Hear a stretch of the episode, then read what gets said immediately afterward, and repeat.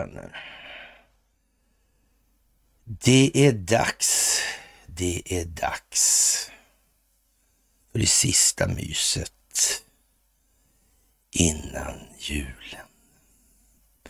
Det är fantastiskt. Och det händer grejer. Oj, vad det händer grejer. Inte minst internt. Tänk vad fantastiskt det kan bli. Mm, det är som en dammlucka har öppnat sig. Det är fantastiskt. Mm. Det är fantastisk folkbildning. Ja. Mycket saker är som har gjorts klara senaste dygnen. Tänk vad märkligt det ser ut. Ja, det är ju underligt. Eller är det inte det? Jag vet inte. Det jag vet är att det är fredag. Det är ja, den sista fredagen innan julafton. Minsann, minsann. Då är det dags för ett fredagsmys. Ja, tänk vad snirkligt det kan bli. Faktiskt. Mm. Det är mycket, mycket, mycket mycket saker som händer. Ja, många saker dras liksom till sin spets. Man är tvungen att förstå nu. Många inser att det här gamla håller inte riktigt. Nej, så är det ju. Mm. FN, Israel, EU, NATO, överstatlig organisation som främst är ägnad att gynna enskilda globalistintressen. Märkligt. Mm. Mycket märkligt. Ni ska ha det största av tack naturligtvis. Fantastiskt. Det ska ni verkligen ha ett jättetack för. Går på Swish och Patreon och för att ni fördjupar er på karlnorberg.se för att ni hakar på telegramtjänsten. Ja, det blir någonting det här. ja, Pia, Pia. Mm. Ja, det är mycket som är väldigt, väldigt, väldigt speciellt nu. Mm. Och, och, man är framme då vid, vid, när man tar det amerikanska presidentvalet till exempel. Då. Mm, vi lägger lite tyngd där i början kanske. Mm. Det verkar ju precis som att den här äh, Insurrection Act, alltså den började slå igång då i valfusket där ordentligt och då aktiverades väl militären till delar då. Ja, sen behövde man fullborda det här spektaklet. Mm, just det, och det är själva revoltförsöket då. Ja, och det gör man genom att mm, den här historien, den 6 januari 2021, när Donald Trump ber folk eh, ja, som har ja, på något vis idéer om någonting, jag vet inte. Ja. Men alla trodde ju att han talade till sina egna anhängare, men det var ju kanske inte det. Utan i, ja, i regelboken då, ja, ja, konstitutionen och lagarna där ja. Mm, det måste ju faktiskt presidenten uttryckligen påtala att de här ska stillsamt och lugnt bege sig från platsen och inte hålla på. Ja, sen kan man väl säga att då borde det väl ha blivit full effekt på det där då. då. Mm. Man kan säga att det är så sent som möjligt faktiskt. Ja, för att det här inte ska hinna gå snett. Det blir ganska kort tid, det är 14 dagar då. Mm. Lite udda. Men det, samtidigt så är det väl så att om så är fallet, då är ju inte underlivsporslinet något annat än ett underlivsporslin. Då är han som han är så att säga. Mm. Då har det ju varit valfusk också. Det verkar ju jättekonstigt allting. För det, det där var ju för att dölja då det egna valfusket från den djupa statens sida. Mm. Ja, det där är ju konstigt. Mm. Faktiskt. Mm. Det vill till att man har planerat det här när man ska genomföra det. Det kan man nog fan säga så här dags alltså. Ja. Om Donald Trump sa till kuppmakarna stillsamt lämna platsen den 6 januari 2021, då blir det ju liksom en del konsekvenser av det. Ja, det är ju det. Och det blir inte så mycket bättre nu när demokraterna i olika delstater föreslår att bara ett namn på listan. Det är ju nästan så att det är som upplagt för att, ja, jag vet inte, ställa in, jag vet, eller hur liksom. Mm. Ja, man vet ju inte. Man vet ju inte. Nej, faktiskt. Men det gör man kanske. Och, och den här Jack Smith som är farten i USA, alltså han, han försöker liksom eh, han går förbi appellationsdomstolen och går direkt till högsta domstolen för att försöka få eh, något prejudikat där alltså. Ja. Mm. Och, och, president Trump eh, uppmanade på onsdagen USAs högsta domstol att avslå Jack Smiths begäran om att påskynda avgörandet av hans immunitetsargument. Ja. Mm. Och, och, Trumps advokater hävdar att Trump är immun från federalt åtal för påstådda brott som begåtts medan han tjänstgjorde som USAs president. Och det får man väl säga äger sin riktighet i så fall. Ja. Det måste man väl nästan säga, va? Mm. Konstigt. Ja, och under 234 år av, av, amerikansk historia har ingen president någonsin ställts inför straffrättsligt åtal för sina officiella handlingar. Fram till för 19 dagar sedan hade ingen domstol någonsin tagit upp huruvida immunitet från sådan lagföring existerar, skrev Trumps advokater i onsdagens anmälan enligt CBS. Än idag har ingen hovrätt tagit upp det. Frågan är en av de mest komplexa, intrikata och betydelsefulla frågor som denna domstol kommer att behöva avgöra. Jack Smith eh, hoppade över appellationsdomstolen och gick direkt till högsta, högsta domstolen då angående Trumps immunitetsanspråk. På torsdagen erkände, då, erkände Jack Smith att hans ärende den 6 januari för närvarande är pausat. Han eh, erkände att han vill döma Trump eh, före valet 2024. ja, jag vet inte alltså. Eller jag gör ju det kanske. Det kan ju vara så att jag vet. Det kan ju vara så faktiskt. Ja, jag tror det är så. Mm, det tror jag. Mm. Och det blir som sagt inte mycket bättre när fyra delstater, Florida, Tennessee, North Carolina och Massachusetts har beslutat att tvinga väljare med ett enda alternativ för de demokratiska primärvalen. Det är alltså Joe Biden. Ja, beslutet som i själva verket kröner Joe Biden som den demokratiska kandidaten i dessa delstater utan primärt, primärt bestridande har framkallat anklagelser om rösträttslöshet och frågor om den eh, demokratiska processen inom partiet. Ja, det var väl oväntat. Mm, kanske de demokraterna som tycker det här är lite tokigt tycker att det kanske finns egentligen med handen på hjärtat lite fler saker som är lite tokiga. Kan det vara så? Mm, jag tror att det kan vara så i alla fall.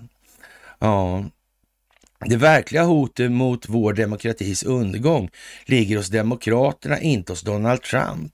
Kommunistpartiet kommer nu att bestämma eh, Demokratiska partiets nominerade och vem de installerar i Vita huset. Floridas demokratiska verkställande kommitté meddelar att i det kommande primärvalet kommer valsedeln endast att innehålla namnet Joe Biden, vilket i praktiken utesluter eventuella potentiella utmanare inom partiet. Och vad händer då möjligen om han får gå på det 25 tillägget? Mm. Det verkar nästan som någon jävel har tänkt här. Det verkar nästan som det. Ja. Ja, vi får väl se. Det kanske är skitsnack allt det här med korruption och de grejerna. Men jag vet inte, vi kommer nog tillbaka lite grann till det och ändå ser det lite, ändå lite stramare ut än vad det gjorde ja, när jag började det här myset. Mm.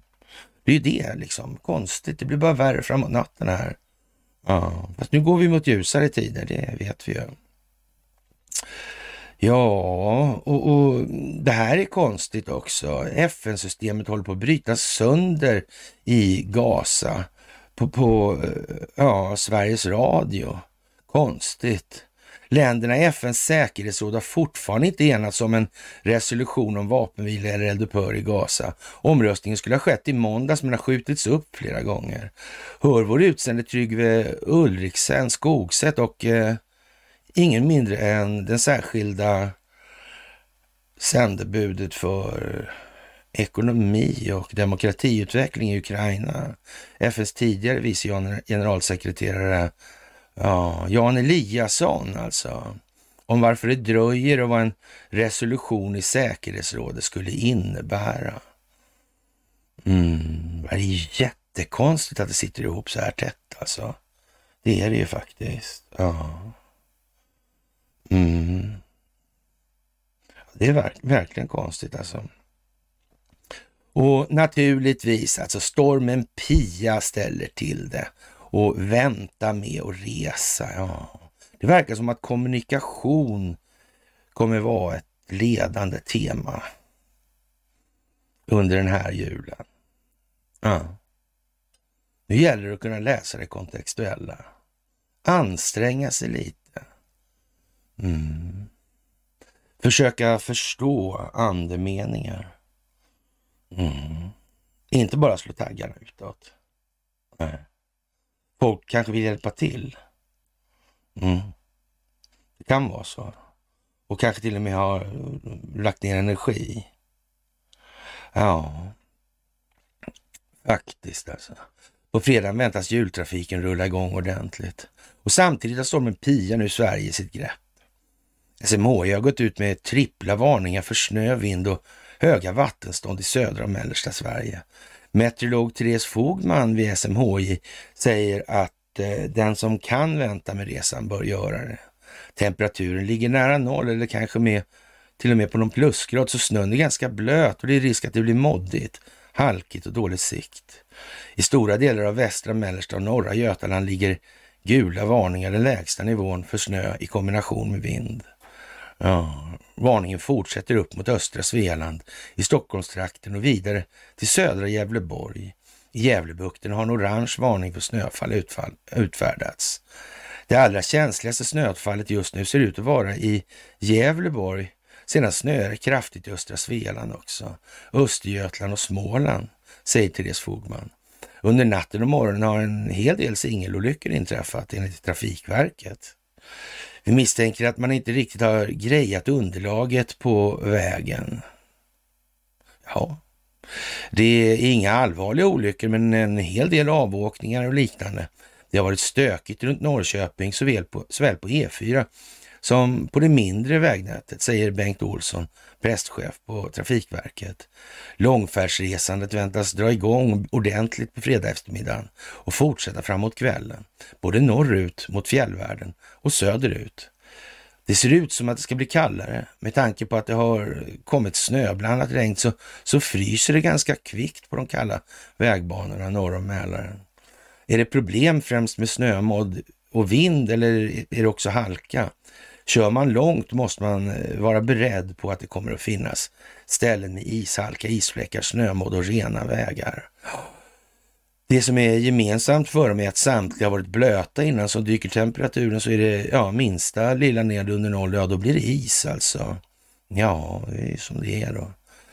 Och väldigt förargligt att ett träd blåste ner över väg 113 utanför Eslöv också. Ja, bara en sån sak alltså. Riksnyhet alltså. Ja. Tågtrafiken på Öresundsbron har stängts av. Tre tågsträckor i Skåne har också varit avstängda sedan i torsdags kväll och väntas öppna vid 15 på fredag. Vi har en del utmaningar med att knäcks träd som har farit iväg. Dels på de här sträckorna och dels på det mindre vägnätet, alltså som vi behöver rensa, säger Bengt Olsson. Ja. Det är höga vattenstånd längs kusten och risk för omfattande översvämningar och skador. Ja, det vi försöker ha extra span på. Mm. Sen har vi även haft koll på Citytunneln i Malmö som vi har fått säkra upp lite extra. Ja.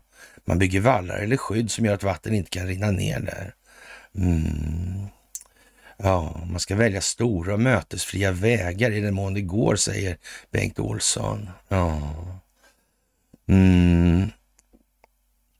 Om det inte finns sådana, välj vägar med väldigt många hastighetskameror. Eh, där är det lägre hastigheter, de är mer säkra än andra vägar och håll avståndet så att du har marginal ifall det händer någonting plötsligt. Mm. Ovädret ser ut att mattas av under lördagen enligt meteorologen Therese Fogman. Ja. De flesta varningarna försvinner då. Ja. Tänk vad konstigt. Och då försvinner allt det här norrut och det blir inte alls lika farligt som i södra Sverige. Nej. Jag tror vi vaknar upp på julaftonsmorgon och så kommer det att vara så där gnistigt och snöigt i större delen av landet. I alla fall, det är väl i Skåne som det är risk för att det inte blir någon snö, säger Therese Fogman. Jag tänk vad konstigt. Ja, det är som helt eh, ja, förgjort nästan. Ja, jämmer och elände. Ja. Och de här globalisterna då, som börjar bli lite deprimerade och trötta. Ja, de är slitna, de är inte vana att jobba i motvind på det. De är alltid... Ja, vad var det Mona Sahlin sa, Göran Persson? Han är ingen bra ledare i motvind. Han är... Ja, ja just det. Mm. Det var ju lite fräckt sagt nästan va? Mm. Göran han blev ju arg. Mm. Irriterad blev han. Ja. Mm. Och, och den djupa staten exponeras inför världen. Jag tänker sig alltså, alltså. Ja. De vet att stoppar man inte Donald Trump nu, då är det som det är helt enkelt. Då är det fait accompli. Ja. Det kanske man ska tänka på också. Och då ska man också tänka på att för att hålla igång den här konflikten eller det här folkbildningsprojektet, för det handlar om att utveckla befolkningens medvetna medvetande. Och då måste man ha sådana som så att säga drar en lans för den djupa statens räkning då så att säga. Mm. Det bör nog till några sådana nu. Ja, annars hade det, för det är ju trots allt inga krigartyper. Det är ju medvindsseglare, inga, ja, det är inga som kliver fram när det är motgång. Nej, nej, de är pigga på egennytta de där. De är liksom inte så bra på någonting annat. Ja. Ja, det där är ju lite kanske speciellt faktiskt. Ja. Och ja, mänskligheten ser vad som sker i det här och, och hur man än vrider och vänder på det så får man ihop Ukraina med utvecklingen i USA. Man får ihop med de här krigen, Ukraina, med Gaza, med situationen i Taiwan. Mm. Vilka parter som har att vinna på att den djupa staten elimineras. Mm.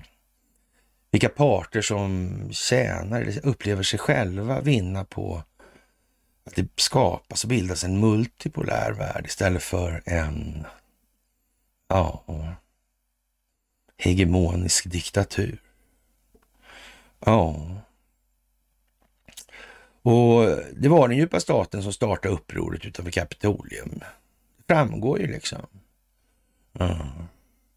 Och det framgår varför de stängde ner Donald, Trump, Donald Trumps konto på Twitter. Ja, konstigt. Mm. Och där säger han ju då att mot slutet säger han att alla ska gå hem lugnt och fint i fred alltså. Ja. Mm. Och det blev ju inte så. Några fortsatte alltså. Ja. Konstigt alltså. Mm, den meningen där alltså. Konstigt att det var så viktigt. Mm, den uppmaningen alltså. Eller anmaningen kanske. Mm. Ja, Insurrection Act från 1876 säger att presidenten måste säga åt en folksamling att det måste gå hem i fred en sån, i en sån situation som uppstod. Ja, han som president är den enda som kan avgöra om en eh, så att säga insurrection har genomförts. Mm. Och då var han ju fortfarande president. Ja, det är ju jättekonstigt det där. Mm. Det är ju nästan som man får känslan av att det var lite iscensatt också. Jag har sett till resultatet och utfallet i vart fall så, så tror jag nog man måste tillstå att oerhört oskickligt planerat av den djupa staten annars. Mm. Det måste finnas ett antal, så att säga, påhejare helt enkelt och påskyndare. Så måste det ju vara alltså. Mm. Och det här var alltså inget direkt meddelande till Maggarörelsen, Magarörelsen, utan ett meddelande till de övriga som var där, alltså djupa statens lakejer, till Antifa, BLM och ja, neonazistiska grupper och så vidare. Mm. Och till Obama och Biden och Pelosi och andra som stod bakom det här upploppet. Men som sagt, det här med Obama, är inte det för konstigt? Ja, han har ju i stort sett med facit i hand inte gjort så mycket annat än att ja, gjort saker som sabbar för den djupa staten.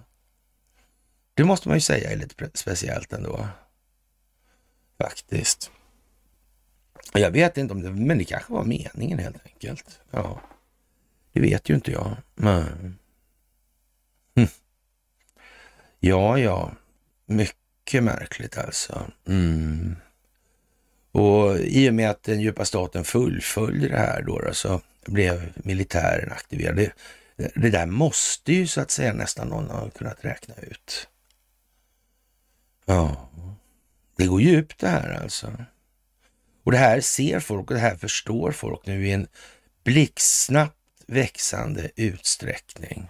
Ja, man störtade alltså den lagligt valde presidenten och hans regering och startade upproret här då, då mm, försöka dölja då vad man hade gjort vid valet. Ja, genom att skylla upproret på Trump och därigenom få bort honom från, från det här för alltid. Mm. Men det gick ju sådär alltså. Ja. Och sen släpper man på då valboskapen i det här. Ja, faktiskt. Mm.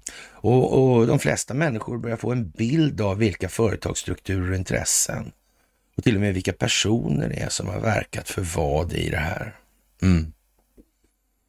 Men som sagt, i det fallet får vi nog anta att ja, redan på ett väldigt tidigt stadium så måste locket ha varit försedd med både tryck och pysventil. Ja. Så, mm. Ja, som sagt. Och eh, sen måste man då utröna vad, vad är liksom den här korruptionen för någonting? Hur omfattande är den? Ja. Och det är det man har hållit på med i den här pausen eller den här regisserade teatern som nu pågår. Ja. Och Joe Biden säger naturligtvis följdriktigt då att vi, man ska ta tillbaka landet till lugn och ro alltså. Men eh, ja, vad, vad, ser allmänheten från Vita huset egentligen? Ja, en freakshow liksom. Ja. Det är liksom rena skämtet alltihopa. Ja.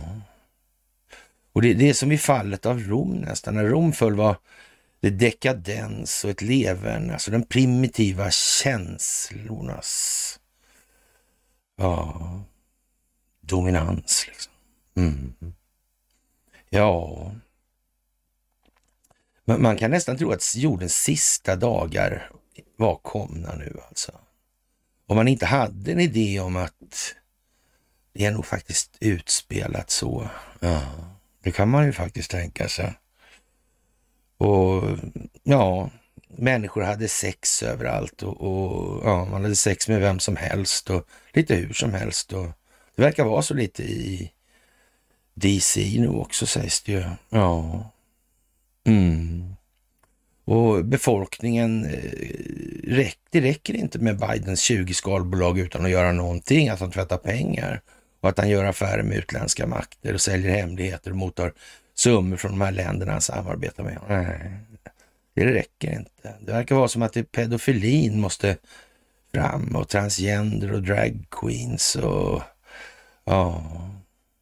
Det verkar hela liksom upplägget, scenografin, eller liksom ljussättningen är på så vis satt att det ska exponeras extra tydligt.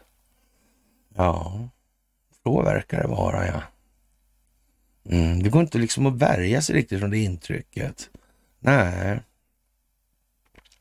Och ja, den här, det här flagranta, ja, att inte bry sig om vad myndigheter säger och tycker och tänker och signalen om att det här eh, behöver man inte bry sig om. Nej, då behöver man inte det. Det är vad man förmedlar. Men kanske folk tycker att man ska bry sig. Kanske tycker att det är bra med mm, likhet inför lagen och sådana grejer. Ja, det kan vara så. Mm. Ja, Biden och många andra säger att ingen står över lagen. Ganska ofta också säger de det. Och, och Sen verkar de bete sig precis som de skiter i höger fan i det. Möjligen kan det komma surt efter. Mm. Det kan ju vara så. Jag såg att hon Icon of the Seas där, att hon var i, var det Cadiz, Spanien? Ja. ja. Vi får väl se alltså. Konstigt allt sånt där ja. Mm. Vad han sa han,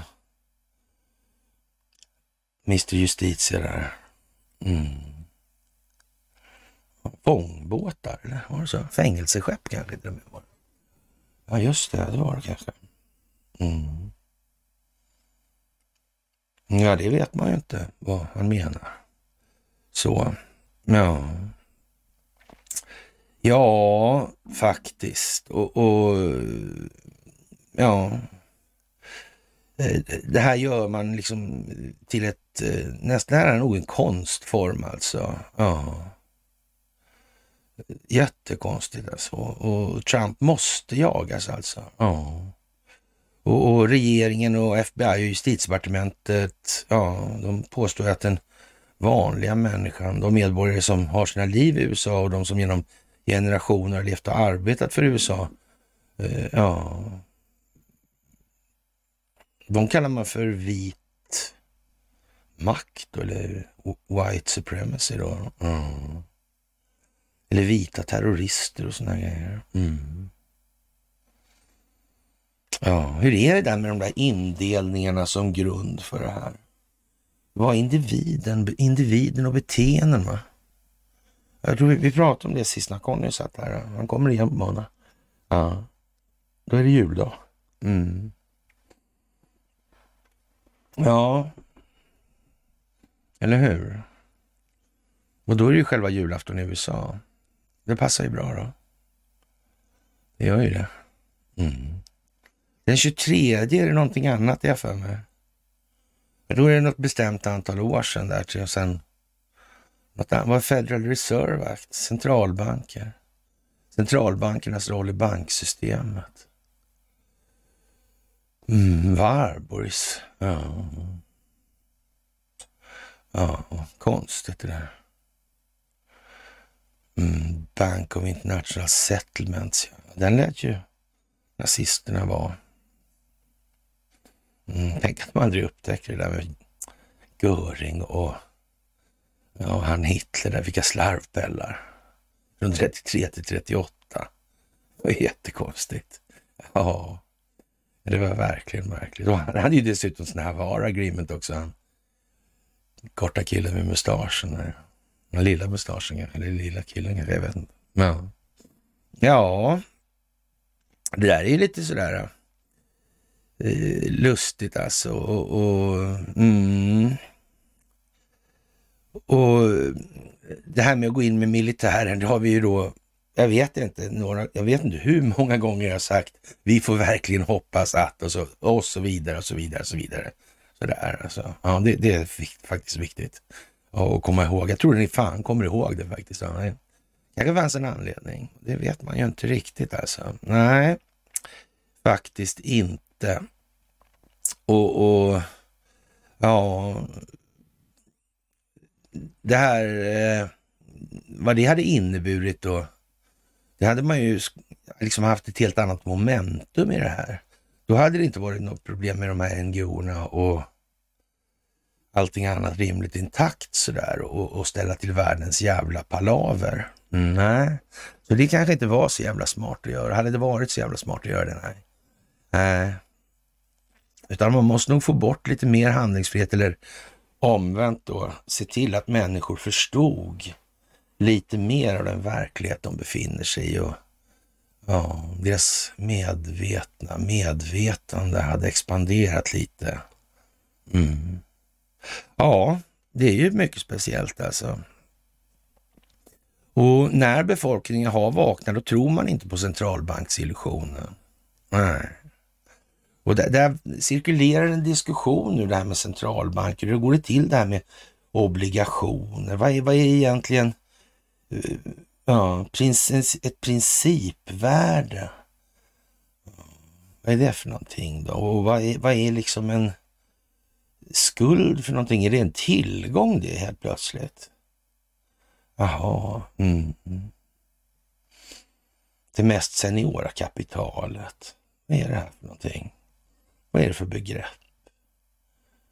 Skuldmättnad vet vi vad det är. Då vet vi att det börjar ju deflationen i realekonomin, det blir ju ren inflation i uh, en exponentiellt växande inflation i den finansiella delen av ekonomin. Ja. Mm. Återcirkulationshastigheten ökar exponentiellt samtidigt som det motsatta eller omvända sker då i realekonomin. Mm, deflationen accelererar. Vad konstigt. Mm. Ja, det där med abstraktionstänkandet, ja. ja. När folk förstår det här i en tillräckligt stor omfattning, då kommer det inte kunna fortsätta helt enkelt. Nej, det kommer inte att fungera. Och lösningen kommer att, den kommer liksom kristallisera upp sig, eller ut sig bara liksom det blir liksom ett sånt där äh, Epifanes-ögonblick liksom. Ja, ah, jag ser ljuset alltså. Mm. Inte båtlacken nu alltså. ja, det gamla mahognybåtar ja. Mm. Det är speciellt och här är vi nu alltså. Och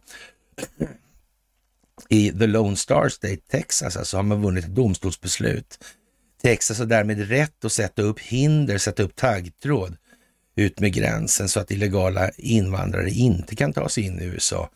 Dessutom säger domstolsutslaget att de federala myndigheterna inte har rätt att förstöra de hinder delstaten lagt ut och satt upp. Ja, ja och i, i, mm, i Tyskland har man ett eh, skolprogram där unga flickor ska lära känna 30-åriga migranter. Ja, Ja, det där är lite speciellt alltså. Det är lite fritzelvarning på det där nästan. Ja, och möjligtvis så är det väl så att den tyska romantiken mm, den tyska sensualismen. Ja. Gudarna ska ju veta att det funnits lite både och. Man kan väl inte säga att Marlene Dietrich direkt var av den mindre sensuella typen, det tror jag inte. Hon förde sig väl med en viss lidelse skulle man kunna säga. Ja. Hon var en vandrande känsloupplevelse skulle man nästan kunna uttrycka det som i alla fall. Ja, och eh, det här med att eh, blanda befolkningar och kulturer och ta bort historien. Föränd historieskrivningen alltså. Ja. Förändra språket. Det där är ju sånt som man kanske ska tänka på nu alltså. Ja. Den språkliga förflackningen helt enkelt. Ja. Och, och säga att det här var planen för the new world order, alltså det här World Economic Forum-grejen. Men som någon sa, Kalle säger att det är omodernt att prata med, om, om eh, svabben. Ja men faktiskt alltså, vi har, vi har kommit förbi det nu. Ja. Vi, vi, vi, det, det, måste man nästan ha. Ja. Och det här med indelningar överhuvudtaget alltså. Jag, jag tror inte vi ska ha liksom döma ko, alltså kollektiva bestraffningar. Det verkar ju jättedumt alltså. Så länge det finns individer inblandade. Jag tror det är jättedumt. Ja. Jag undrar varför man har en vurm för det tro. Ja, vad kan det vara? Ja, mänskligheten håller på att slå upp ögonen ordentligt alltså. Och de kommunicerar på tvärplanet jättehårt nu. Och via sociala medier. Mm. Kanske måste det vara så här eh, helt plötsligt så blir det mycket bättre på Facebook. Mm. För det är ju det där med omklädningsrummet, ni vet. Hockeylaget ska värva nya spelare. Och det kanske är så att man måste ha olika metod för det. Beroende på det psykosociala klimatet i ett land eller en region eller ja, det kanske är så. För kanske består mänskligheten av just individer. Just individer som måste utvecklas för att samhället ska kunna utvecklas. Det kan ju vara så i alla fall. Vi ska inte utesluta det ännu alltså. Kanske aldrig. Men så. Ja, och det här är väl kanske inte den situation som den djupa staten för 50 år sedan sådär kanske tänkte, sig, tänkte befinna sig i helt enkelt. Men man vet ju inte heller riktigt. Man vet ju inte riktigt heller alltså. Det kan inte heller ha varit särskilt svårt. Det var ju handlar om antalet omfall som gick att överblicka och jag vet inte hur mycket datorer och datakapacitet man hade egentligen i den meningen. Ja, väldigt speciellt alltså. Och det här gör ju naturligtvis att när människor har en utvidgad förståelse, ett ökat medvetet medvetande mm, om sig själv och sina, sin omvärld. Ja. ja, då blir det inte så lätt alltså. Mm.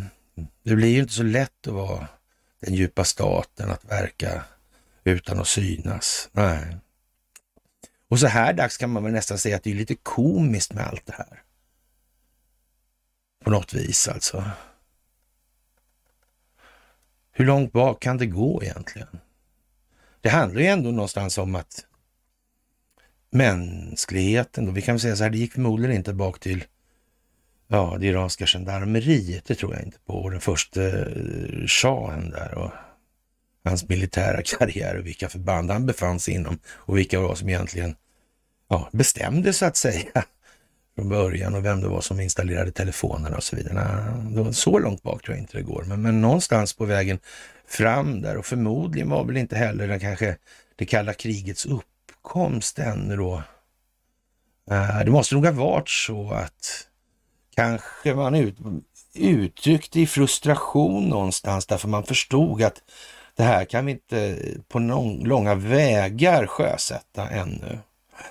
Då fick man nöja sig med efterslängar som att det räddades mer av det kalla krigets uppkomst än av sin egen förbättrade affärsmoral och såna grejer. Det kanske var så att det fanns en viss medvetenhet redan där. Så kanske det fanns några sådana här, äh, vad vet jag, rent av löshästar, eh, loose cannons som skränade och, och hade sig och sa att han skulle, inte nog med att man skulle då, ja, fixa det där med pengarna. Man skulle dessutom slå CIA sönder och samman i så många delar så det ja, skulle inte gå att räkna dem knappt. Det var ju snudd på eh, ett tjänstefel om man tänkte att man skulle motverka den djupaste. Snudd på i vart fall. Eller kanske möjligtvis ett tecken på en oerhörd naivitet vid den tiden. Mm. Men ändå känns det ju inte riktigt som att naivitet var liksom. Nej. Fast å andra sidan måste man säga så här att Allen Dals, eh, de här eh, geopolitiska utspelen med, med grisbukter och annat var väl rätt så oskickligt det också. Ja. Alltså, det måste ju ha kommit någonstans här och sen, ja, man Watergateade med Nixon och sådana här grejer. Det var lite DA och det var lite latinamerikanska statskupper. Det var lite droghantering och sådana här prylar. Uh-huh. Ja, ja, men man vet ju inte liksom. Mm, konstigt alltså. Jättekonstigt. Och det här är lite som eh, en analogi med det här med bokpressen, fast det här är ju mycket, mycket, mycket större då alltså. Och, och när människor i, i det medeltida Europa börjar informera sig och, och ja, den romersk-katolska, ja, vad ska vi säga, kyrkan kan vi säga. Ja, fördömde uppfinningen och försökte göra, eller försökte förgöra personer genom att banna dem som gick framåt med nya kunskaper och nya upptäckter. Och Galileo Galilei eh, var ju en av de som ansågs som syndare i den meningen också. Och det var många som gjorde det. Och prästerskapet ville tillsammans med monarkierna ha total kontroll över befolkningen.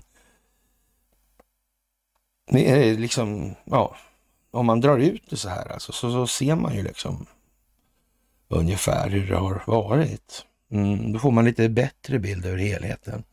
Ja, och det här med att avväpna befolkningen har ju varit en klassisk del av de här doktrinerna hela tiden. Men ja, de har ju sin konstitution i USA, det har inte vi. Och här istället verkar det precis som att polismyndigheten ägnar sig åt en del konstigheter. Alltså. Det verkar som att håller de sig med dubbla bokföringssystem i sådana där ansökningssammanhang numera också på sina håll. Det verkar ju jättemärkligt. Mm. När de inte har koll på sina egna beslut längre ens. Var de har tagit vägen och vad det står i dem. Det är konstigt faktiskt. Ja. Jättemärkligt. Ja. Och det har ju varit en massskjutning i Prag där och, och en individ använder ett gevär med kikarsikte och, och förövaren är död alltså. Oh. Det är konstigt, ja.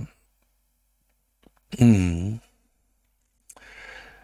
Ja, det är undligt det där. Det är mycket som är undligt nu alltså. Ja. Och i Ukraina inbjuder man nu män mellan 25 och 60 som befinner sig i Tyskland och är friska att gå med i Ukraina ukrainska försvaret. Ja. Och när Xi Jinping träffar Joe Biden berättar Xi att Kina vill ta över Taiwan. Ja, och det kommer inte göra någonting för Biden. Det spelar inte roll för honom, för han får betalt av Kina. Ja. Och de här bolagen, Panda Electronics, Jack Ma, Alibaba, mm. Josef Tsai. Mm, Börje Ekholm. Vad har varit för någonting egentligen? Mm. Det kan man fråga sig faktiskt. Konstigt alltså.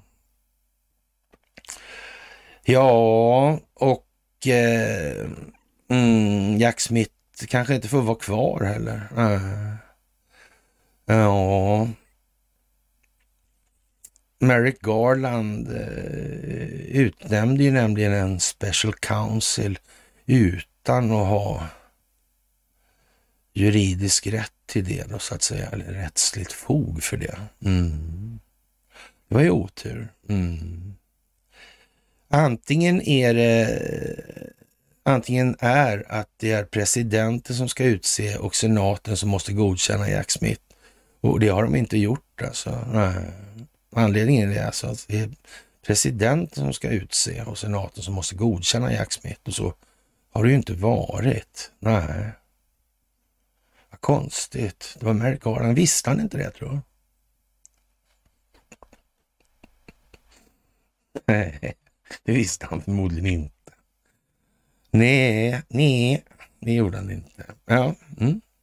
Och eftersom vi vet då att i det här, den här dramaturgin så gör djupa staten allt nu då för att komma åt Donald Trump. Och eh, ja, det här som hände i Colorado var nog inte en slump då alltså. Nej, nej. Och, och nu vet vi också att då Donald Trump måste överklaga det till högsta domstolen. Så han har rätt att delta i presidentvalet även i Colorado. Aha. Ja, det var ju förargligt alltså. Mm. Att det blev så. Mm. Och, och, man tror kanske att Colorados högsta domstol försöker skapa ett prejudikat alltså och, och, och det är flera delstater som kan göra likadant. Men det kommer med rätt så stor sannolikhet inte att gå så där riktigt lyckat och bra alltså. Nej, nej. Och, och, den möjliga effekten är väl då eh, de söker det att eh, ja, Trump-supporters i allmänhet och MAGA-människor sådär som de blir så arga så de går ut i städerna och, och slår sönder och, och demolerar och grejer. Så det, det finns väl en ganska så, så stor risk att det kommer Mantifa som klär ut sig för att börja skoja till det här nu alltså. Ja. Och fake news skriver då naturligtvis att Trump-supporter som blev så arga över det här så, ja, att de, har ja, de börjar komma med dödshot och grejer. Ja, det är klart. Mm. Ja, Magga-extremisterna Ja. Mm. Ja, vad, vad, ska vi säga egentligen? Börjar det bli tydligt? Det börjar det. Otvivelaktigt är det så helt enkelt. Ja. Och för att vara lite skojsigt här, nu, nu börjar det bli riktigt bra här alltså. Och i Sundsvalls tidning idag då, nu, nu tar vi och man skulle väl kunna säga så här, det, det här är, är, ju liksom inte så kul för miljörörelsen kanske att konstatera. Nej, det tror inte jag. Och det verkar precis som vi sa nyss här med miljörörelsen och vi kommer tillbaka till det här med permaskand och ja, Svensk-amerikanska sällskapet, Arrhenius, Selma Lagerlöf, Jakob Wallenberg och Hjalmar Branting, ja. Mm. Just det. Vi får inte använda ordet lagom. Mm. Väl tillpassad kanske man kan använda som ord. Mm. Vältillpassande. Mm. Till exempel. Det är märkligt det där med språket, hur det blev egentligen. Mm. Vi som har så fantastiska möjligheter att bygga långa ord och få verkligt skarp avgränsning, stark distinktion. Rågångarna blir klara, det görs klara. Mm. Och det har man försökt liksom sudda, sudda, sudda bort den sura min. Liksom. Ja, och eh, det här blir väl då lite väl ja, det här är på djupet även inom korruptionen, det vill säga handlar om Sundsvall då.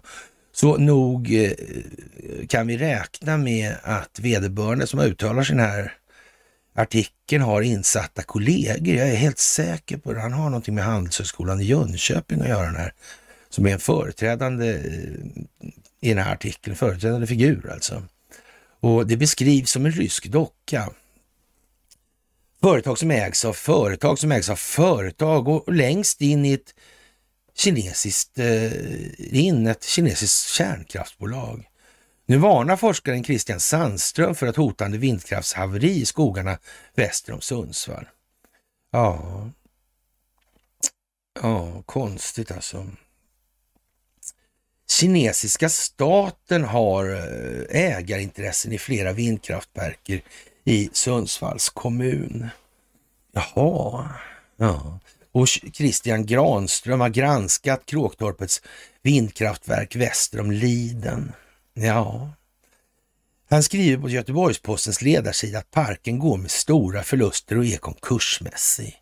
Hela projektet är ett finansiellt korthus som kan rasa när som helst. Kråktorpet är rena kråkslottet, säger han till Sundsvalls tidning. Värde Christian, alltså Sandström, är docent vid Chalmers och biträdande professor vid internationella Handelshögskolan i Jönköping. Där känner han säkert några stycken. I sin forskning, eh, finns kanske till och med lite upplyst folk, man vet ju aldrig, befinner han sig i skärningspunkten mellan ekonomi och teknologi och utkom nyligen med boken Gröna bubblor som en kritisk granskning av den gröna omställningen. Ja, Christian Sandström är docent alltså. Mm. Det är ju speciellt alltså. Biträdande professor, ja. Ett av de projekt han har studerat närmare är Kråktorpets vindkraftverk i skogarna mellan Liden och Holmsjön. Ägaren som återfinns bakom en serie holdingbolag i sex led i Sverige och Frankrike är den statliga kinesiska kärnkraftsjätten China General Nuclear Power Corporation. CGN, föremålet företag för amerikanska sanktioner sedan 2019. Enligt Kråktorpets årsredovisning för 2022 omsatte vindkraftsbolaget cirka 51 miljoner, gjorde samma år en förlust på 114 miljoner. Det är så dåligt att man börjar undra om bolaget har slagit svenskt rekord i förlustmarginal. Men som man bäddar får man ligga och här är det bäddat för ekonomiskt haveri, säger Christian Sandström. Jaha, tänk om de inte kunde räkna ut det. Kråktorpet är bara ett exempel bland flera.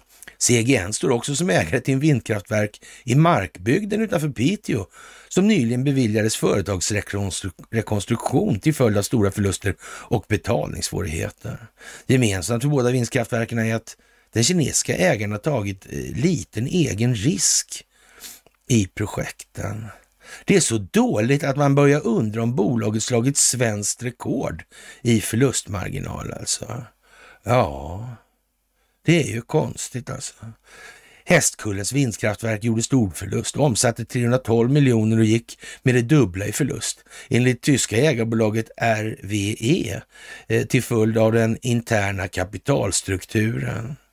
I Sundsvalls kommun äger CGN även vindkraft i Nylandsbergen nordväst om Kovland. Inte heller där har succén infunnit sig. Förra året redovisade parken en förlust på 39 miljoner, visar bolagets egna siffror. Christian Sandström tar Kråktorpet som ett exempel när han nu lyfter frågan om vad han ser som ihåliga kinesiska investeringar. Han anser det vara befogat att ställa frågan vad som händer vid en konkurs. Vem ringer man? Vem tar ansvaret för sanering av marken eller de skador som åsamkat svensk natur? Kort sagt, vem tar ansvar när de ansvariga återfinns långt utanför landets gränser? undrar han. Vem ringer man? Vem tar ansvar? Nylandsbergs 18 vindkraft, har 18 vindkraftverk nordväst om Kåren. Alltså. Ja. Det är ju märkligt det här hur det har blivit. Kan det vara planerat allt det här? Ja, det kanske är det. Mm.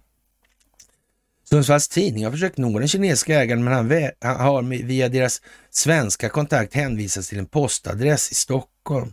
Sundsvalls Tidning har även tittat på ett annat vindkraftprojekt, vindkraftprojekt i regionen, Hästkullens vindkraftverk mellan Viksjö och Timrå, som också redovisar stora förluster i fjol med 612 miljoner utifrån en omsättning på 320. Jaha, parken som är en av Europas största när den togs i bruk 22 ägs via Nysäter Vind AB av bland annat tyska energijätten RWE. För Hästkullen har varje intjänad omsättningskrona alltså lett till två förlustkronor. Med ett eget kapital på 50 000 kronor har Nysäter Vind skulder på över 5,2 miljarder kronor. Verkar gå bra det här. Vad är det egentligen som kan gå fel ens? Är det något? Jag vet inte. Enligt eh, RWE beror förlustsiffrorna på att man kom i kommersiell drift först i juni 22 och att man gjorde valutakursförluster gentemot euro. I ett mejl till Sundsvalls Tidning skriver man att det är den interna kapitalstrukturen som är orsaken till förlustsiffrorna och att den närmare förklaringen ska ges vid nästa årsredovisning. Ja, mm, och, och då kan man säga att de här 50 000 är ungefär lika mycket som man får betala för en begagnad Volkswagen Passat alltså. Ja, och, och för Kråktorpet och Nylandsbergen har ägarna förklarat förlustsiffrorna med sina långsiktiga elhandelsavtal alltså. Ja, det, det, det är ju liksom i vindkraftsbranschen är så kallade eh, PPA-avtal vanliga. Det innebär att en producent garanterat en elköpare leverans av en viss, viss mängd el till ett förutbestämt pris. Såväl Kråktorp som Nylandsbergen klarade inte leveranskraven utan fick istället köpa in dyr el från annat håll för att klara de utlovade leveranserna. Jaha. Mm. Ja, den där säcken är mystisk. Mm. Den verkar ju ha haft en lucka eller ja, på något vis som fälldes upp. Där fanns det tänder och den kunde bitas också. Vilken jävla grej. Ja, det var en speciell säck ändå alltså. Ja. Enligt Christian Sandström är det emellertid inte hela förklaringen. Han menar att Markbygden och Kråktorp dragit på sig stor, eller kroniska finansiella problem som till en följd av att ägarna tagit minimalt egen, liten, alltså liten egen risk i projekten. Han jämför med stora industriföretag som satsar hundratals miljoner i riskkapital i sina projekt. CGN har lånat upp miljardbelopp men själva bara gått in med 50 000 kronor. Eh, det är ungefär lika mycket som den här Passaten alltså, i halvdåligt skick också. Ja. Lånen däremot är på 1,4 miljarder och den som bygger en verksamhet eh, med lån som är 2000 eller 28 000 gånger större än det egna kapitalet borde knappast bli förvånad om företaget hamnar på obestånd. Nej, det är ju det alltså. Det är ju det. Mm. Det är märkligt. Nu kommer man in nästan på det här med balans och resultaträkningar. Vad kan bok, vad är en tillgång som kan bokföras egentligen? Mm. Vad är en eh, likvid? Vad är likviditet? Ja, vad är solvens? Vad är insolvens? Vad är kvalificerad insolvens? I det här, hur förhåller sig de här sakerna till varandra egentligen? Mm. Är det så att det här centralbanksystemet är uppbyggt på den här bankprosan och att det döljer sig en massa saker i det här? Som det också kan betyda, men som de ljuger inte, men de säger inte hela sanningen. Kan det vara så? Det kan det vara. Mm. Det kan nog vara det faktiskt. Ja. Då blir det känsligt att man hittar på ord alltså. Ja. Mm. Jättespeciellt alltså. Mm. Och det här med svenskarna och deras rättssystem. Det kommer nog upp alltså. Det kommer nog upp. Det tror jag. Vi behöver inte vara oroliga alltså. Mm. Faktiskt. Mm. Och väpnade styrkor fortsätter att stärka gränsen mot Vitryssland. Och enligt befälhavaren för de gemensamma styrkorna för de väpnade styrkorna i Ukraina, generallöjtnant eh, Serhii Naev fortsätter arrangemanget av försvarspositioner i norra operativa zonen i enlighet med beslutet av den högsta befälhavarens stab. Vi förstår att vår norra gräns måste vara så befäst som möjligt. Nu är situationen i det här området stabil och under kontroll. Detta ger oss tid och möjlighet att vidta åtgärder för iordningställande av ytterligare befästningar avsedda för ytterligare styrkor som i framtiden kan föra eh, framtiden kan föra över till denna riktning vid en snabb eskalering av situationen, säger befälhavaren. Arrangemanget av försvarslinjer sker enligt alla militärvetenskapliga regler. Bataljonsförsvarslinjer skapas bestående av fästen av kompanier och plutoner och så vidare. Ja, det verkar vara liksom the real deal här nu alltså. Mm. Det låter lite som liksom det är reguljär verksamhet på gång på riktigt. Inte kalla in ja, fängelsebefolkningarna. Nej. Nej. Och de har ändå valt det frivilligt. Mm. Ja, speciellt är det i alla fall. Och eh, vad händer om vi säger till NATO att vi skiter i det? Ja, vad ska jag säga här alltså? Mm. Det är väldigt, väldigt speciellt alltså. Ja. Åsa Lindeborg, va? Mm. Tror jag. Konstigt. Det här går inte av för hacker. Mm. Hon skriver så här alltså. Och jag skriver först, men nu jävlar. Oh. Och jag var i Köpenhamn i veckan och fick som alltid frågor om Sverige och NATO. Vårdan går det då? frågar dansken då. Ja, det senaste som har hänt är att Erdogans samarbetsparti i samarbetsparti MHP säger att Israel måste avsluta kriget mot Gaza innan den svenska NATO-ansökan kommer upp på dagordningen. Eh, för ett och ett halvt år sedan fick jag samma fråga. Våran går det? Ja, vi har börjat bocka av några namn på den här listan med 42 namn som Erdogan vill ha utlämnade. Tillbaka i Köpenhamn några månader senare. Våran går det? Ja, vi har antagit ny lagstiftning så att man inte kan demonstrera som förr. I, I Norge vill de också prata om NATO eh, vårdan går det. Eh, eh, Ungern krånglar. Eh, de vill ha betalt för att PK-Sverige i åratal har lagt sig i deras inre angelägenheter, eh, så som tjafsat om bristen på yttrandefrihet. Varje gång skruvar jag på mig som en metmask. Trots att jag är glad så länge vi kan hålla oss utanför NATO. När Turkiet meddelar att Netanyahu måste ställas inför rätta i Haag innan de kan överväga ett svenskt NATO-medlemskap, då skrattar jag mig så hes att eldslågor slog ut ur mina öron och näsborrar. Eh, men hur det nu är så hänger jag ändå, hänger jag ändå ihop med Eh, det här landet som skämmer ut sig snart eh, på sitt andra år. Så jag säger vi alltså. Mm. Efter sommarens koranbränningar har Erdogan skickat ett nytt kravhäfte. Så nu har vi tillsatt en utredning om en ny eventuell inskränkning av det fria ordet. Jag landade i Oslo just som Jimmy Åkesson kläckte idén om att vi ska börja riva moskéer. Så hade frågan om Sveriges NATO-medlemskap gått från panik över till fars och, och därefter till ett fullskaligt kulturkrig. Vad säger Jens? Jens, Jens Stoltenberg i eh, tilltänkt centralbankschef, eh, men ändå NATO-chef fortfarande. Ja, av någon anledning.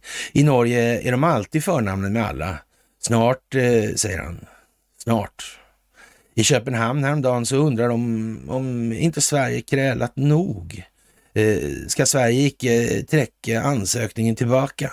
Ja, ja, eller tillbaka. Ja.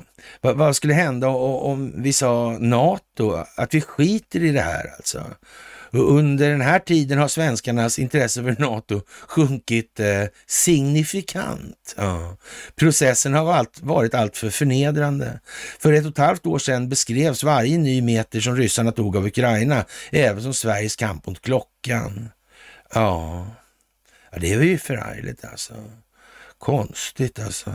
Nu har Ukraina-helvetet normaliserats för oss som bor här. I alla fall. Gaza-infernot har visat en gång för alla att det pompösa bluddret om väst står för oomkullrunkliga värderingar såsom humanism och folkrätt. Det är bara storljug helt enkelt. Ja.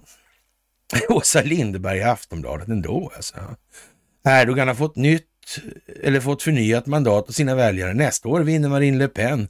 Frankrike och snart är Trump tillbaka. Risken för väpnade konflikter mullrar upp inom flera håll.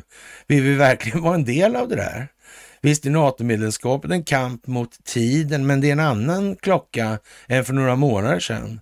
Frågan är om vi, inte om vi hinner komma med innan ryssen tar oss, utan om vi ska hinna bli medlemmar innan vi ångrat oss helt och hållet.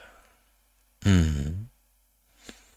Men vi kan väl använda de där avtalen om det ja, bär av liksom. Kanske det är därför de finns. Kanske är det här den teater vi nu ser. Kanske är de opinionsbildande effekter som ska uppnås eller som eftersöks hela tiden. Kanske är det just vad Åsa Linderborg beskriver. Kanske är det så. Mm. Det är ju liksom lite konstigt. Det är där vi befinner oss. Nu. Mm.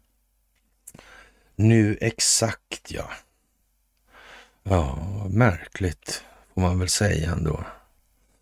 Frågan är om vi Frågan är inte om vi hinner komma med innan ryssarna tar oss, utan om vi ska hinna bli medlemmar innan vi ångrat oss helt och hållet. Ja, ja men det kan man väl säga ändå. Va? Ändå alltså. Man blir ju lite sådär... Äh,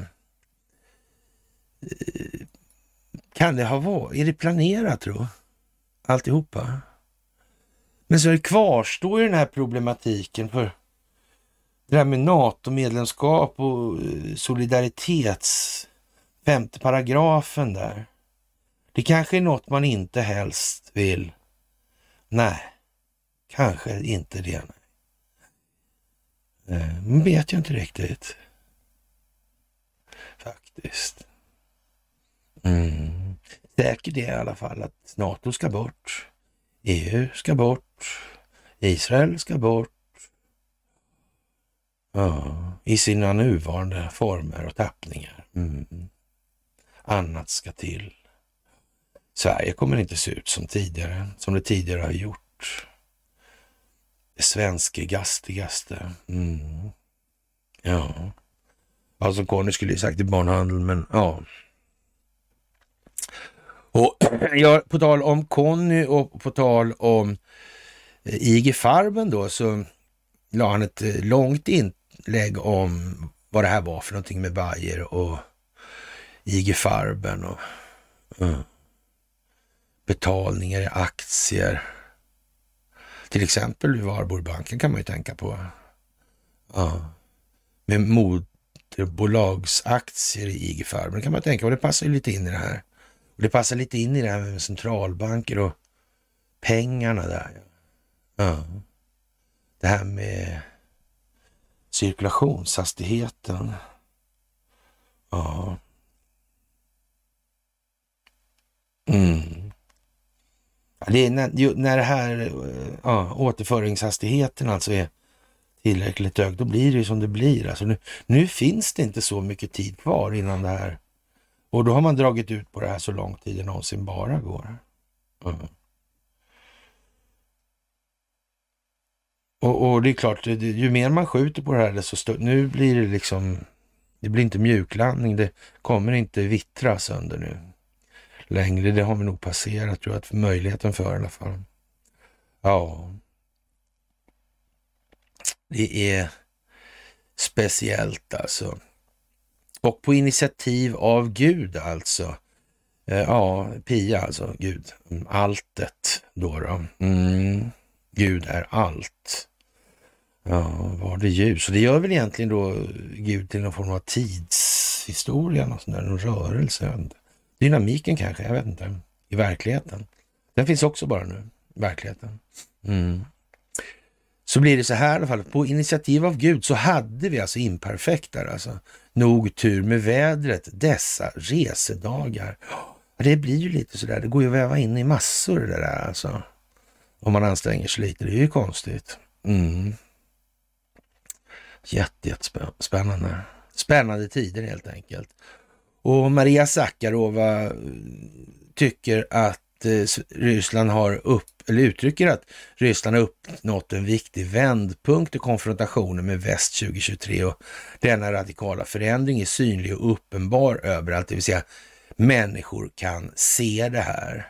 Människor kan se att hela teatern i Ukraina har varit en stor jävla bluff alltså, eller lite grann som eh, Åsa Linderborg sa. Ja, jävla jätteljug liksom. Ja, och Zelensky ser den ukrainska konflikten som den enda chansen att stanna vid makten. Det finns inga utsikter till en nedtrappning av krisen i Mellanöstern. Ursäkta. Ryssland gör allt för att undvika spridning till andra länder. USAs politik om situationen i Gazaremsan är riktad mot både palestinier och israeler leder till förvärring av krisen och nya risker i regionen. Ansträngningarna för att skydda ryska medborgare som är kvar i Gazaremsan kommer att utföras på individuell basis efter det att den organiserade evakueringen har slutförts. Västlandet försöker implementera Majdan-scenarier i Serbien och Belgrad och, och Serb, de måste försvara sin suveränitet i det här. I militär planering kommer Ryssland att ta hänsyn till utplaceringen av nya militära kontingenter från Tyskland och andra NATO-länder i de baltiska staterna. Avtalet om försvarssamarbete mellan USA och Finland tyder på att kontrollen över Nordeuropa utförs, överförs till Washington.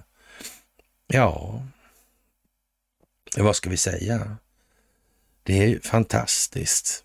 Ja, och eh, jag hade ett eh, hälsomys igår med Anna, Madame Ekholm och eh, ja, vi pratade i stort och smått om det här. Allt från att rotera överarmarna till ja, medvetandets uppfattning av verkligheten. Mm. Sådär. Ja, speciellt. Och eh, det har hittats så stora mängder kokain 23 att, man näst, att nästan varje svensk kan gå runt och vara påverkad ett helt år, säger Martin Persson, kommunikatör på Tullverket. Och, och frågan egentligen, vad säger man implicit där då? Ja. Men en sak måste ju vara helt klar i alla fall, det är att eh, ledarskapsutvecklingen måste ju anses ha gått jävla bra alltså. Ja, det måste ju vara. Med hänsyn taget till resultatet alltså. Mm. Så är det ju. Mm. Men det kanske säger också någonstans att det här är en verksamhet som inte alltid har varit granskad lika noggrant av en eller annan anledning. Så kan man säga. Mm.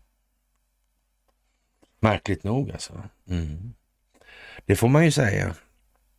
Ja, och elen kan stängas av i 13 län i riskzonen, eh, säger då Marcus Oskarsson. Ja, Pia hon eh, stökar på helt enkelt. Ja.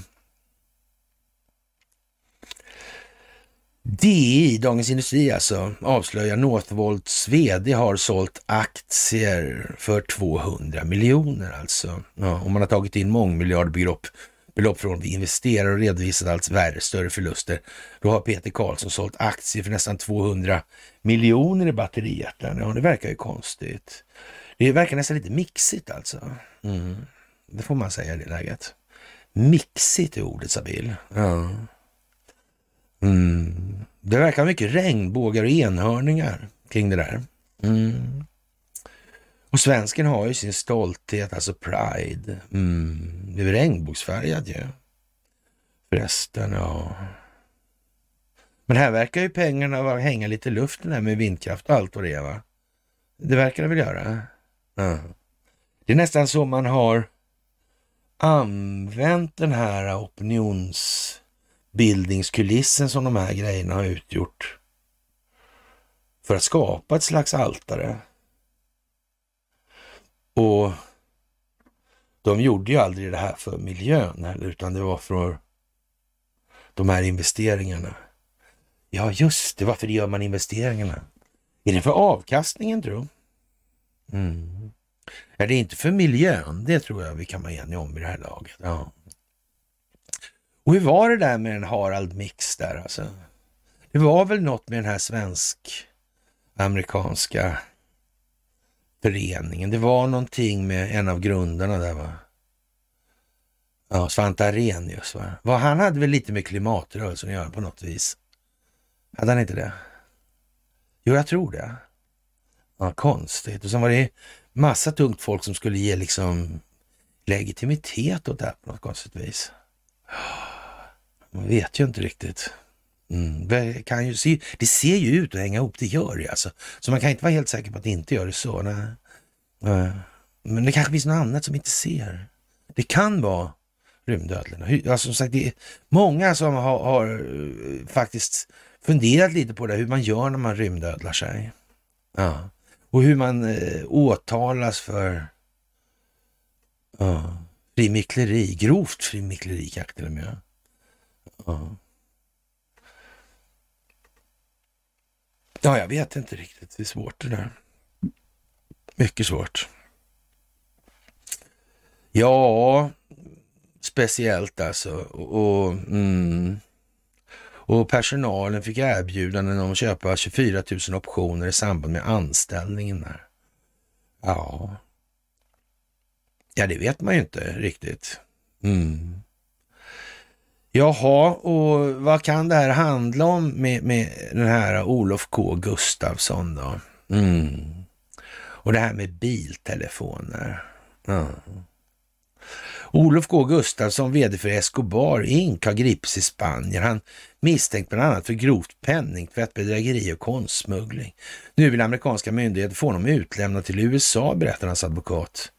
Ja, smuggling, grov penningtvätt och urkundsförfalskning och bedrägeri. Det är väl dollar i, inom internationell handel som har varit frågan då kanske. Mm. Kanske något med telefoner också. Jag vet ju inte. Han har i alla fall direktnummer till Jakob. Ja. Men också, de, och Jakob svarar ju. Ja, men också deltagande i en kriminell organisation som sysslar med illegal handel med konstverk. De misstänks, Eh, det misstänks den svenska företagaren Olof K Gustafsson för. Det visar dokument från spanska myndigheter. Olof eh, K är vd för Escobar Inc, alltså som sägs äga rättighet till den avlidna colombianske knarkbaronen Pablo Escobars namn. Alltså han driver bolaget tillsammans med Pablos bror Roberto Escobar. I ett eh, SvD-reportage från maj beskrivs Olof Gustafssons lyxliv i Marbella med dubbla Rolex-klockor i guld och en gul Ferrari med frun Svetlana hennes namn då inbroderad i läderklädseln. Och, och, jag gör redan allt jag vill göra och ja, därför behöver jag inte ha några mål, drömmar, idéer eller tankar. Vill jag bygga en villa så gör jag det och vill jag köpa en bil så gör jag det och vill jag ha en bra utbildning för min dotter så fixar jag det. Allting löser sig med pengar och makt, säger han. Ja. Kanske det kanske, eller kanske inte just de här pengarna på sikt kanske. Nej. Mm. Och han har sålt, sålt Picasso-tavlor på den grå marknaden. Han hade tre Picasso-målningar i bilen alltså. Och polisen slog till mot Olof K Gustafssons bostad i Marbella på morgonen den 4 december. Ja, och eh, de informerades om brottsanklagelser. Under sex timmar sökte polisen igenom huset och tog pengar, klockor, smycken, datorer och telefoner. Ja, domstolen i franska Bourges en Bress deltar i den polisutredning som nu pågår. Detta efter en tullinspektion i Frankrike 20 då tre Picasso-tavlor hittades i bakluckan på en bil som Olof K Gustafsson åkte i. Ja, och, och mm, man vet ju inte. Och Svetlana och Olof har bott i, i Spanien tillsammans med sin dotter sedan 20 då. Svetlana har inte fått uppehållstillstånd i Sverige. Nej. Vad skulle det här kunna vara för någonting tror ni? Mm. Ja, jag kan, bekräfta, jag kan bekräfta att en utredning pågår. I den här delen av utredningen har domstolen i det här Bourg-en-Bresse inte utfärdat någon arresteringsordning. Ja. Och Olof K Gustafssons advokat Federico Moglia, eh, eh, ja, han säger att han inte vet om tavlorna faktiskt var målade av Picasso eller inte. Nej, konstigt. Det finns inga dokument som styrker det, men Frankrike gjorde en stor sak av det. De tog tavlan och startade en utredning om konstsmuggling. Jaha, det var ju konstigt. Ja, och, förutom att spansk polis deltog i det här så deltog också federala agenter från det amerikanska skatteverket. Alltså. Och de anklagar Olof för, för bedrägeri och grov penningtvätt efter att Escobar Inc marknadsförde och sålt biltelefoner. Det ska handla om 500-600 personer som inte har fått sina betalda produkter. Enligt eh, Federico Moglia orsakas leveransproblemen av pandemin alltså. Det är inget bedrägeri utan ett företag som hade problem med sina leveranser. Och han påstår att Escobar Inc försökte betala tillbaka pengarna men det har inte gått eftersom betaltjänsterna Klarna och Stripe sänkt ner företagets konton. Escobar Inc har också haft en omskriven rättstvist med Klarna som handlar om vad som hänt med de här pengarna i somras. Avgjordes fallet i Stockholms tingsrätt som gick på Klarnas linje.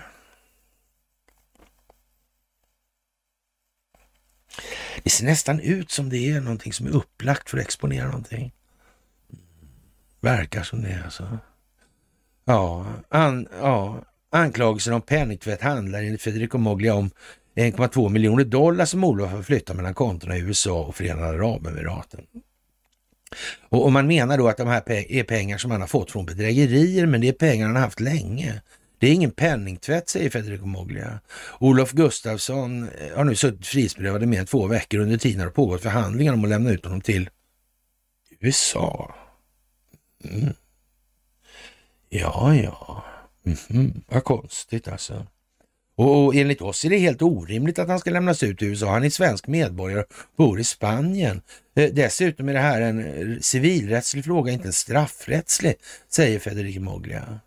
Ja, Eh, sedan han greps har Svetlana träffat Olof en, gång, Olof en gång i veckan och pratat med honom i telefon åtta minuter i taget. Hon säger att hon varit i kontakt med svenska konsulat, konsulatet i Marbella men inte fått den hjälp hon har velat. Det är väl konstigt? Eh, de svarade direkt att, och sa att de skulle komma och hjälpa oss nästa dag. Konsulatet har varit här men det verkar inte som eh, det kommer hjälpa Olof, säger Svetlana. Den svenska polisen, ambassaden i Madrid och konsulatet i Malaga hänvisar till frågor om händelsen till UD. På frågor om gripandet av Olof Gustafsson svarar UDs presstjänst UD har kännedom om att en svensk medborgare, man i 30-årsåldern, frihetsberövades i Spanien i början av december. Mannen företräds av en advokat, eller av advokat. Ambassaden i Madrid arbetar med fallet. Mannen är häktad och misstänks för bedrägeri. Vi går inte in på närmare detaljer med hänvisning till konsulär sekretess. Eh, SvD har sökt det spanska rättsväsendet som inte har velat svara på några frågor. Mm, det här är inte någon del i den här teatern. Eller? Nej. Nej. Ja, stackars Olof. Olof, han får gärna höra av sig till mig så kan han få prata med mig. Ja, vi kan göra ett eh, poddavsnitt kanske. Mm, vi kan ta, han kan få vara med mig på ett mys. Mm, kan han få. Mm. Ja, man vet ju inte. Ja, jag vet inte, kanske inte passar. Men eh, ändå, jag är inte, helt, jag är inte främmande för det. Alltså. Ja.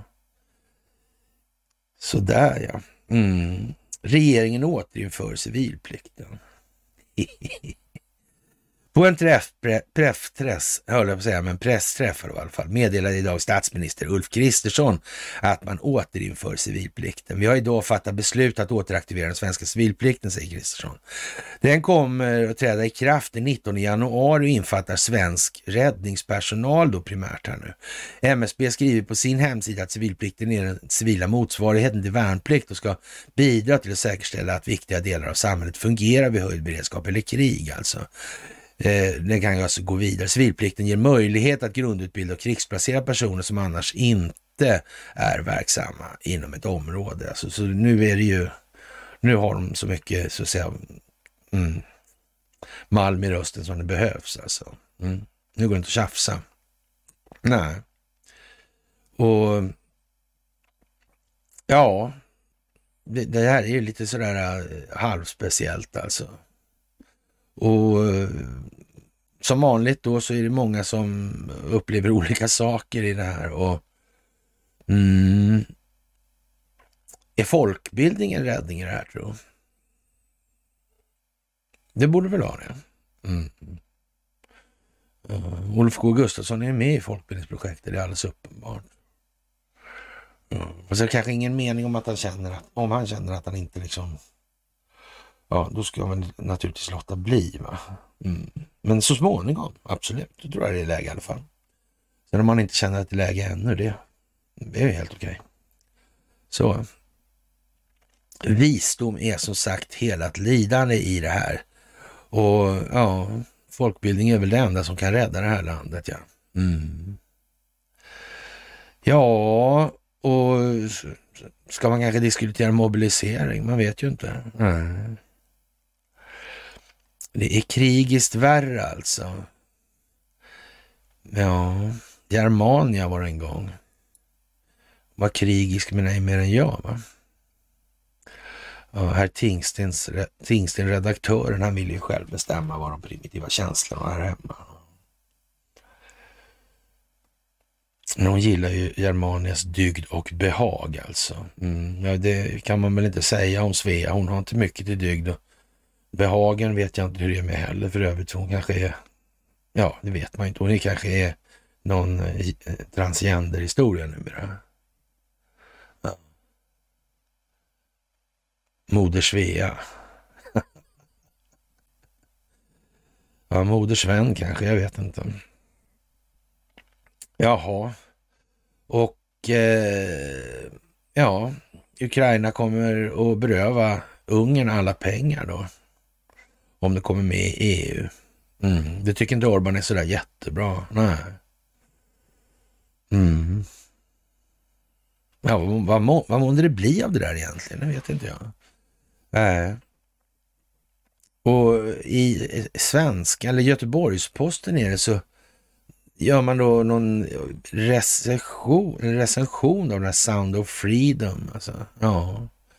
Och, och mm, gör sig löjlig över det här med, ja, väldigt konstigt alltså det här med intrigen om en agent som går emot byråkrater för att rädda barn ur sexhandeln. Och, och den flörtar liksom med eh, Qanon då, som inte finns något som heter. Det finns Q och det finns Anon alltså. Ja. Och som kopplar till politiker och kändisar till pedofilringar. Och, och, och då kommer den här listan då som cirkulerar nu. Som alla kan se med rätt många kändisar på. Mm. Det är ju jättekonstigt, den kommer precis samtidigt. Det är ju speciellt alltså. Mm. Och Steve Bannon, ja. ja. Faktiskt, ja. Och, och ja, den här kommunisten, McCarthy-eran då. Homosexuella. Ja. Hoover då? J. Edgar, var inte han homosexuell? Det var han, mm. Man kan säga att frågan är om han satt så där länge. För att han ville, eller om han satt där från början för att han var lätt att kontrollera. Jag vet inte. Det verkar ju som att Lindsey Graham, Graham lider lite av samma åkomma utan för den skulle veta säkert om det är så. Borde han inte behöva göra tycker jag. Jag tycker det är tillräckligt tydligt för att folk ska begripa vad det här är för någonting. Mm. Så ja. Ja. Och den här Sound of Freedom kallas för Dirty Harry för 20-talet alltså. 2020-talet alltså. Ja. ja, jag vet inte. Och, och det där är, är lite sådär äh, Ja, om några år får vi Kalle på julafton, kanske sällskap av de svarta, judiska och kvinnliga stereotyperna som till ljudet av konservativ glöggfradga försvann ur programmet förra decenniet. Ja, kanske det kanske. Komplett med en tomte som räddar de barn från, som svenska myndigheter och George Soros kidnappar. Ja. Ja, Göteborg, ja, den goa gubbars anda, ja. Axel Oxenstierna, stormaktstiden, centralbankens skapande, Göteborgs grundande från början med. Alltså. Ja, just det. Mm. Kan det hänga ihop allt det här tror jag? Kanske har det funnits rätt många sådana här hårdlagsbusiness genom den svenska eller Sven eller Sveas historia bakåt. Ja, det kan ju vara så. Ja. Det blir rätt mycket ruttna från huvudet då med den korruptionen tror jag. Ja, det kan ju bli det, alltså man vet ju inte. Mm. Faktiskt alltså, jättemärkligt är det. Och då griper man Olof där också. Det är också väldigt konstigt. Ja. Väldigt märkligt. Mm. Och underlivsporslinet där, om, man, om han nu lyfts bort på grund av korruption, men man anger det 25 naturligtvis. Ja ja. Då är det ju som det är med valfusket då. Då vet man ju att vem det är som har gjort det här revoltförsöket den sjätte och vem som har sagt åt dem att gå hem och sluta med det. Det vet man också då. Eller sa han bara sådär utan anledning, det här med Insurrection Act, det spelar ingen roll alltså. Eller var han tvungen att säga så? Just exakt så. Ja. Mm. Ja, det är ju antingen så att den djupa staten existerar eller inte. Och existerar den så finns det en motverkande kraft, det kan vi utgå ifrån. Och frågan är om, om det är på det ena eller andra viset nu det här. Ja, det är möjligt man kan uppleva det som oklart, men eh, ja, det vet man ju inte alltså. Riktigt helt säkert. Ja, faktiskt. Spännande får man säga i alla fall. Och Eh, ja, eh, finansministern alltså. Ja. Det vi gör fungerar. Ja. Eh, de ser positiva tecken på ekonomin vänder. Ja. Främst, främst är det inflationen som börjar sjunka. Ja. Men hur är det där med inflationen egentligen efter skuldmättad? Blir inte liksom realekonomin dränerad då? Det råder liksom ett stagnationstillstånd i realekonomin som är baserat på den här deflationen som växer då. Ja, men så tror jag det är faktiskt. Ja, ja, just det. Och varje, eller så att säga, en ny enhet återgår till större del att bära tidigare skapade pengars ackumulerade räntekostnader. Ja, jävlar du. Det är något visst med det här att vara svenskt.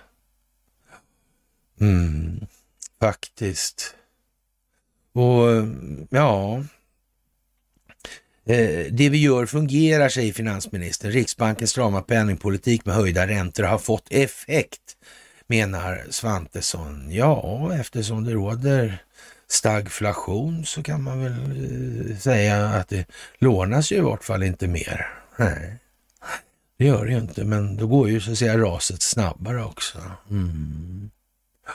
Vi gör bedömningen att inflationen fortsätter att sjunka. Det är ingen vågad eh, bedömning att den cirkulerande penningmängden i realekonomin kommer ja, minska. Det går ju liksom med viss automatik efter skuldmättnaden, så kan man säga. Och allt snabbare i alla fall då. då.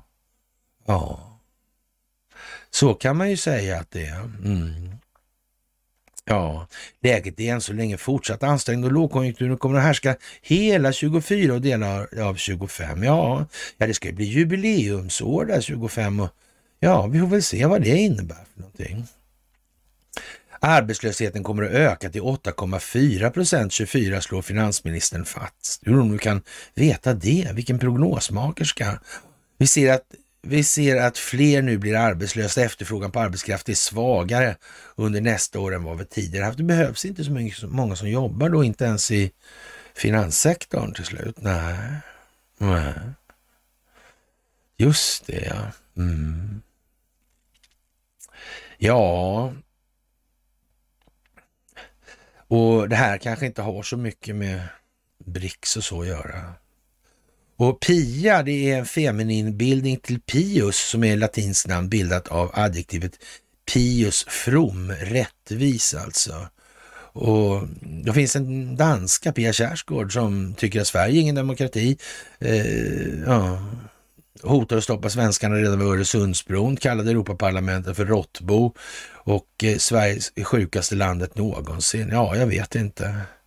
Det politiskt korrekta Sverige är ett så sinnessjukt samhällsbygge att det överhuvudtaget inte tillåts sig beskrivas med vedertagna statsvetenskapliga begrepp, säger hon. Vad menar hon? Vilken förfärlig människa. Mm. Det kan man säga. Skökan Svea är vad hon är alltså. Ja. Det får man nog fan säga alltså. Mm. Det är, ja, speciellt alltså. Och ja, för vad det nu är värt så, ja. Jemens houtsier då släpper ryska tankfartyg utan att, eh, utan att attackera dem, alltså när de passerar Suezkanalen. Ja. Och, och de lovar att sänka nästan alla andra fartyg. Varför håller de på på det där viset för? Ja, det kan man väl fråga sig lite grann alltså. Och herr Eriksson eh, hoppas hoppas att gemene man noterar att ryssarna verkar ha goda relationer runt om i världen och att de som piper och gnäller om ryssarnas farlighet är tillsammans år ut och år in. I bästa fall trillar poletten ner och gemene man inser att ryssarna faktiskt inte är helt livsfarliga och dumma i huvudet. Nej. Man skulle kunna säga så här att eh, ett helt annat pris på, eller vi kan säga så här kanske, en rätt så rejäl förvaltningsassistans i kombination med möjligheten att få köpa diesel. Eller ja, de statliga raffinaderierna kanske. Mm. Kanske. Jag vet inte vad som är vägen framåt där, för man kan inte tänka sig att det måste ju vara någon form av sånt som de säljer sig billigt för alltså. Ja. Så länge alla andra eh, håller, då håller de i. Alltså det är därför det blir sådär eh, wham V80 där. Mm. Ja, ja, speciellt är det alltså, det får man säga. Och ni är ju väldigt fantastiska och, och siffrorna är ju, blir ju liksom rätt så dramatiskt mycket bättre nu. I, på Facebook till exempel, konstigt det där. Men samtidigt är det gnäll då, exponering av Youtube. Mm, det här är konstigt. Vad är det här för något? Mm. Speciellt är det i alla fall. Ja, och Vladimir Putin han öppnar för att potentiellt då lämna tillbaka västra Ukrainas gränsregioner som en gång annekterats, annekterats av Stalin till Polen, Ungern och Rumänien. Han gjorde klart att Ryssland inte kommer att invända mot återannektering av dessa regioner av deras tidigare länder och noterar att han är 100% säker att det var, är vad invånarna i de här gränsområdena mot Ukraina vill för någonting då. Och det handlar om Transkarpatien återvänder till Ungern, det handlar om Galicien och Volhynia eh, återvänder till Polen och eh, Bukovina återvänder till Rumänien. Mm. Men är det verkligen helt säkert att om man ger bort landområden på det här, om man då är ute för det här liksom imperialistvarianten, att han liksom inte eh, kanske inte är så mycket ute på den bogen just nu. Han kanske är mera ute på det där att han vill att den ryska befolkningen jag menar, har han sådana strömningar inom Ryssland nu, i de här då som återvändar delarna då som man har rätt ut, Transkarpatien och Galinien och Volhynia och Bukovina. Ja. Om man nu har det, jag menar då är det väl mest rimligt att de tillhör och, och, där de har sin språkliga grund och sin kultur. Så. Ja, vad, vad, vad, spelar det för roll liksom? Det är stort så det räcker i det här landet ändå alltså. Mm. Och ja, det här med vad som blir kvar av Ukraina, ja det är ju upp till den ukrainska befolkningen såklart. Men de kan ju inte sitta och förlita sig på sådana här som Zelensky, Kolomojski, eh, ja, Poroshenko och så vidare. Det går ju inte. Jats. Ja, Julia liksom. Tymosjenko. Jo jävlar alltså. Mm. Ja, det är bistra tider överallt. Och, och, men som sagt, höj blicken, se ljuset. Se stjärnorna på himlen. Mm. Se er egen stjärna inuti er själva.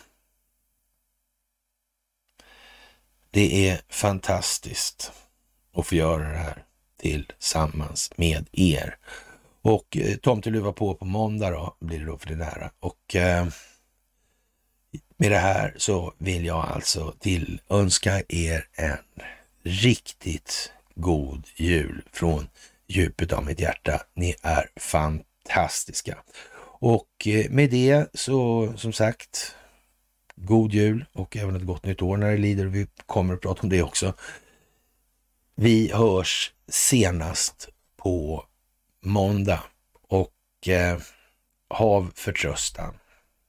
Det finns en rigorös planläggning bakom det här. God jul!